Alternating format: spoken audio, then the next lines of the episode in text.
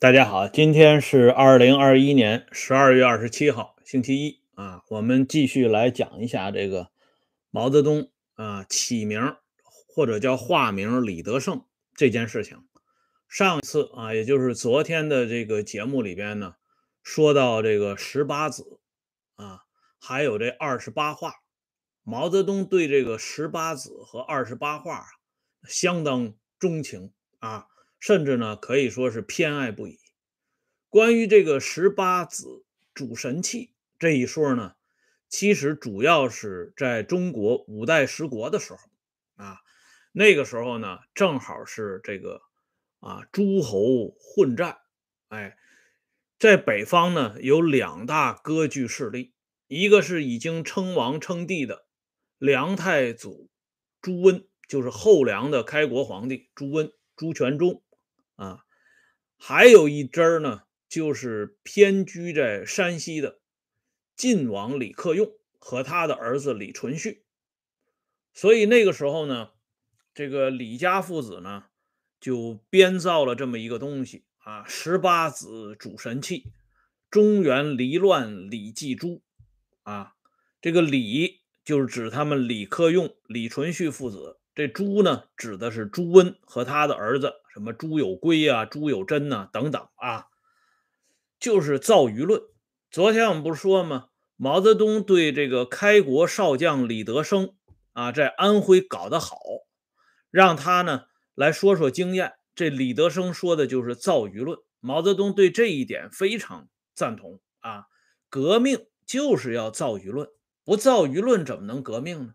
怎么能把群众带动起来呢？这个李克用、李存勖父子照着这个舆论，十八子主神器啊，这个确实影响很大，以至于到了明朝末年，这个我们都知道，陕西出了一位闯王，叫李自成啊。这李自成造反的时候，招募了一个江湖人士，此人大名叫宋献策啊。这个宋献策呢？没献什么高明的计策，但是却献上了一条这个呃预言，就是十八子主神器啊。这个舆论到了明朝末年还在造，哎，而且呢还有一句话叫“十八孩儿对上桌”。昨天我们节目里边也说到这一点了。什么叫“十八孩儿对上桌”呢？因为这个“对”字呢。啊，按照这个《周易》的解读啊，这对正好呢是在这个西北啊，在这个西北的方向，而李自成呢出于陕呃出自出自于陕西，也正好呢是居于这个《周易》当中所谓的西北为乾卦啊，这是。至尊之位，哎，所以这个十八孩儿对上坐，当从陕西得天下，哎，这是当时宋献策献给李自成的一个民间的这个小传说，而李自成他们呢，就把这个东西啊散布的到处都是。所以当李自成进入河南以后，那河南的老百姓不了解李自成啊，但是他们首先听到了这个十八子主神器的事儿，他们就觉得李这李自成是真命天子啊，因此呢，又加上什么呃，开了营城门迎闯王，闯王来了不纳粮啊，三年不征啊，若干年这个不不不交税等等啊，这些这个蛊惑人心的这些口号，所以当时河南人呢。啊，参加李自成的队伍是最踊跃的，一次就加入了十几万人，所以这李自成在河南力量一下子就壮大起来了。由此我们也可以看到这个十八子主神器啊对人们的影响程度。但是这个李自成呢，他到底没主上神器啊，被这个清朝给灭了。然而这个说法。十八子主神器这个说法却没有断。到了上个世纪三十年代、四十年代，啊，这个在陕西、在西北这。个十八子主神器再一次弥漫在历史的天空当中。当时毛泽东啊，在延安主政的时候，他曾经特别欣赏一部小说，这小说的名字叫什么呢？叫《永昌演义》，写的就是李自成的。哎，毛泽东对这部小说呢评价很高，并且破天荒的呢还翻了几篇。这毛呢素来很少看小说，但是对李自成的这段事儿，他了解的挺详细的。这也就是后来啊，为什么这个姚雪老、姚雪银先生能够通过写这个李自成，把这中国青年出版社给救了的原因之一啊。毛泽东对这个十八子啊，李自成相当偏爱。那毛泽东对另外一个十八子更加偏爱，这就是刚才我们说的李克用的儿子李存勖，也就是中国历史上很有名的一员名将啊，或者说是一位著名的军事统帅唐庄宗李存勖。毛泽东曾经说过这样的话：“生子当如李亚子。”啊，就是说生儿子应该像李存勖这样啊。这个话呢，其实不是毛泽东的原创，是李克用、李存勖父子一辈子的老对手梁太祖朱温说的原话啊。这朱全忠呢，当年看到李存勖领兵打仗啊，纵横捭阖，感叹的说了一句话：“生子当如李亚子啊。”然后呢？朱全忠后边还有一句话，他说：“我这些儿子都是酒囊饭袋啊，不行，跟人家李存勖没法比。”哎，所以毛泽东借用这个梁太祖朱全忠的话，哎，就说了这么一句。这是毛泽东写到啊评价李存勖的这个批注当中。另外呢，毛泽东还有一段话，就是康彦孝之谋，李存勖之断，郭崇韬之助，此三人可谓识时务之俊杰。哎，这是毛泽东啊对这个李存勖在历史上领兵作战、打胜仗的一次高度评价。哎而且毛泽东对这个李存勖啊生平也特别关注。一会儿呢，我们就会讲到一首诗，叫《三垂岗》。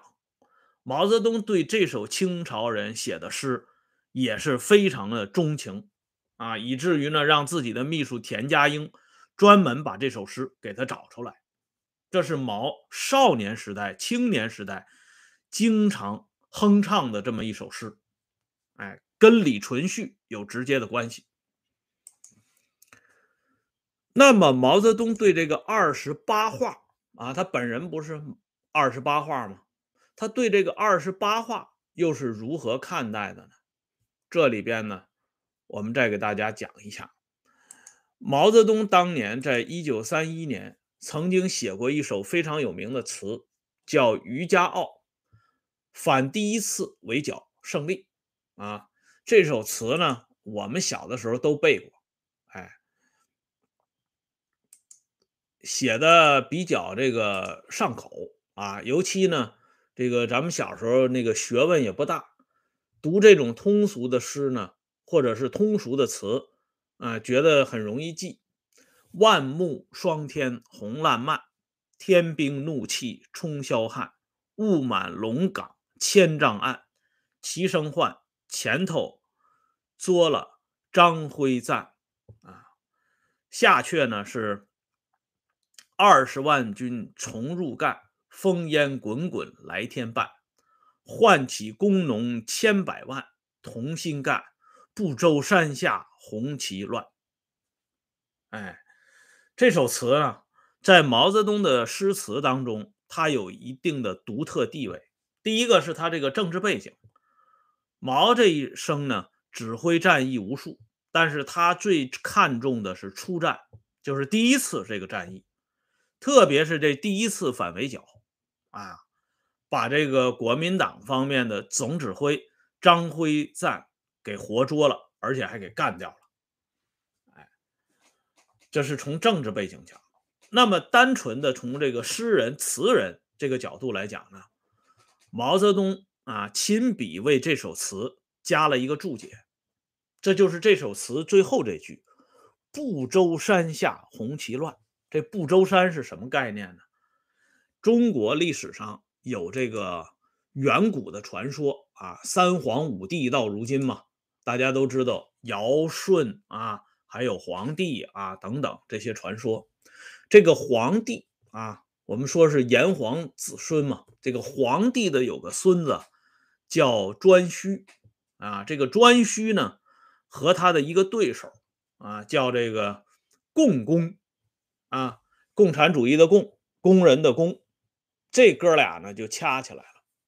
所以中国有一本老书叫《淮南子》啊，这《淮南子·天文训》里边讲过这句话。原话是这么说的啊：“昔者共工与颛顼争为帝，怒而处不周之山啊。天柱蛇，地为绝，天倾西北，故日月星辰移焉。”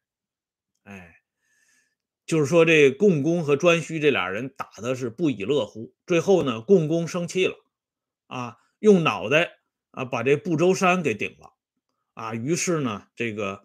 出现了一大片的混乱。关于这首这个 诗里边啊，这首词里边这个“共工投楚不周山”，毛泽东有这样一个解释。毛泽东说：“诸说不同啊，这个《国语》啊、《史记》啊记载的都不同，但是我认同《淮南子·天文训》啊，我认为共工是胜利的英雄。你看，怒而楚不周山，哎。”他死了没有啊？没有说。看来呢，共工是没有死，他确实是胜利了。这是毛泽东加的这个注解的这个原文。这里边呢，就跟这二十八话有一定的关系。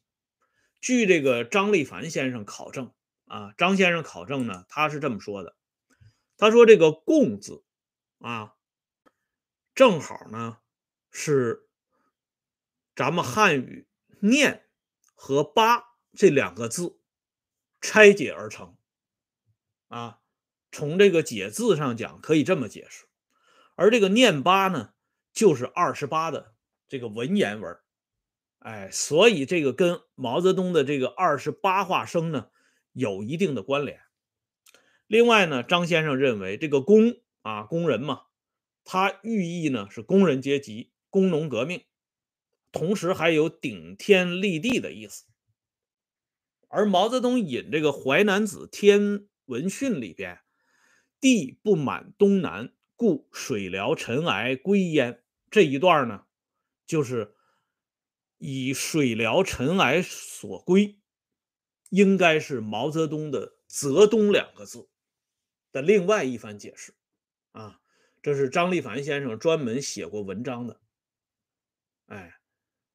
关于这个念八啊，这个说法其实不光是张先生这么看啊，这个在太平天国历史上，这个太平天国这些起义的人，他们也编造过这样的话啊，比如说他们编造这个洪秀全啊，据这个张立凡先生介绍，当时这个洪秀全呢啊，在起事之前，他们这个。太平天国就发布一个谶语，就是三十八念一，何乃玉石，人作一土，作而民吉。哎，这个三十八和念一啊，就是三十八二十一，正好是洪秀全的洪字。哎，所以从这个历史上，我们就可以看，从当年的十八子主神器啊。到这个共工投处不周山，再到这洪秀全这个啊，看来呢，这个谶纬、谶语这个东西，或者说中国的神秘文化，在中国的政治历史上，确实起到了无与伦比的作用。而毛泽东呢，对这个十八子和二十八画也是深信不疑的。哎，包括他起这个李德胜，为什么起李德胜？为什么姓李？这李就是十八子，这里边呢，可能既有这个西北李闯王的意思，恐怕还有这个唐庄中李存勖的意思啊。因为这两个人呢，都是起于西边，哎，都是居于乾卦，哎，所谓的居至尊之位，哎，而那个时候呢，在国民党统治的时候呢，这个。一大批高级知识分子，啊，像我们大家都知道的，后来写海瑞罢官出名的北京市的吴副市长，还有一位大学者写明代特务政治的丁义丁先生，啊，这都是代表人物。他们愿意把这个国民党的统治呢，比喻成明朝末年，为什么呢？他们认为啊。国民党搞的这个中统特务、军统特务，特别像明朝搞的锦衣卫和东厂，所谓的厂卫啊，所以呢，他们就把这个国民党政权跟明朝末年的这个东西进行比拟。这吴副市长当年的一个成名作《朱元璋传》，他就把朱元璋比成蒋介石。当然，这一点呢，毛泽东并不认同。所以由这个比喻呢，我们再来看十八子主神器中原离乱李继珠啊，就可以想象这个口号在当年不光是在民间唱响，在知识界也相当有回应。所以这李德胜这个名字呢，人家就认为起得非常好。因此你看啊，啊毛泽东给自己的女儿李敏。这个起这个姓氏的时候，还是坚持他姓李。你要说李讷呢，这个姓李呢，这个能解释，因为江青原名叫李云鹤啊，这姑娘呢随妈妈姓也不是不可以。问题在于李敏的妈妈并不是江青，而是贺子珍，而李敏生下来，一九三六年生下来，是给他起名叫李敏，而那个时候呢，啊。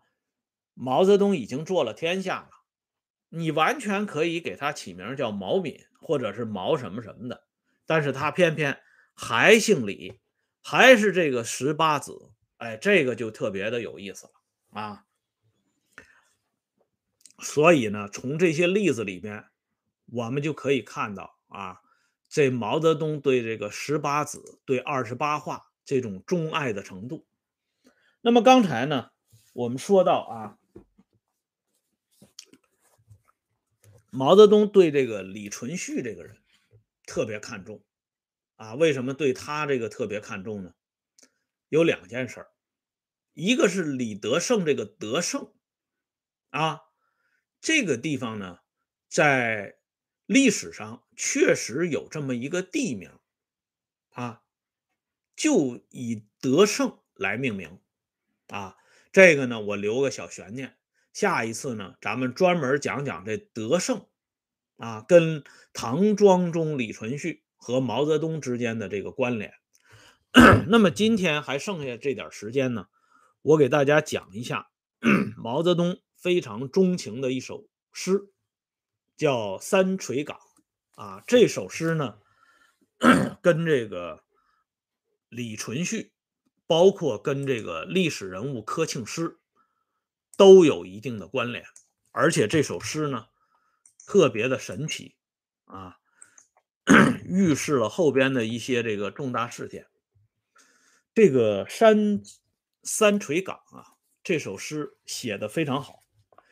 清朝的这个诗的地位啊，清诗的地位，应该讲是仅次于唐诗的。哎，清朝人呢是以这个唐诗为模本，极力的效仿。唐诗，所以清朝的一些诗留下来之后呢，重新的这个朗读啊，你会发现 清朝的诗的艺术造诣还是挺高的啊。这个三垂岗这诗呢，我给大家简单的念一下啊。我在小时候也背过这诗，到今天呢也是倒背如流。英雄立马起沙陀。奈此朱梁跋扈河，只手难扶唐社稷。连城犹拥尽山河，风云帐下齐儿寨，鼓角灯前老泪多。萧瑟三垂岗下路，至今人唱百年歌。啊，这诗写的是朗朗上口，非常好。那么，在上个世纪六十年代中期，在年底十二月二十九号啊，换句话说呢，再有两天就到了啊。这一天呢，毛泽东给他的秘书田家英写了一张纸条。田家英同志禁读五代史后唐庄中传记《三垂岗战役》，记起了年轻时曾读过一首咏史的诗，忘记了是何代何人所作，请你查一下，告我为盼。哎。这个毛泽东是写给田家英的条子，让田家英查一下这首诗到底是谁写的。后来呢，田家英查出来了，这是这个清朝人叫严遂成这个诗人啊写的这首诗。毛泽东对这首诗非常喜欢，喜欢到什么程度呢？喜欢到他把这首诗专门啊。手书一幅，自己用毛笔写了一幅，在一九六二年送给了柯庆施柯老。在这首诗里边，毛泽东最钟情的是这句话：“风云帐下齐儿寨，鼓角灯前老泪多。”就这句诗啊，毛泽东。一直念到了他生命的最后关头，啊，就是说毛泽东在他啊即将离开人世之前，还在念念不忘这首诗啊，这句诗啊，“风云帐下齐儿寨，鼓角灯前老泪多。”那么，谁是这个风云帐下的齐儿？谁又是那位啊鼓角灯前老泪多呢？关于这一点。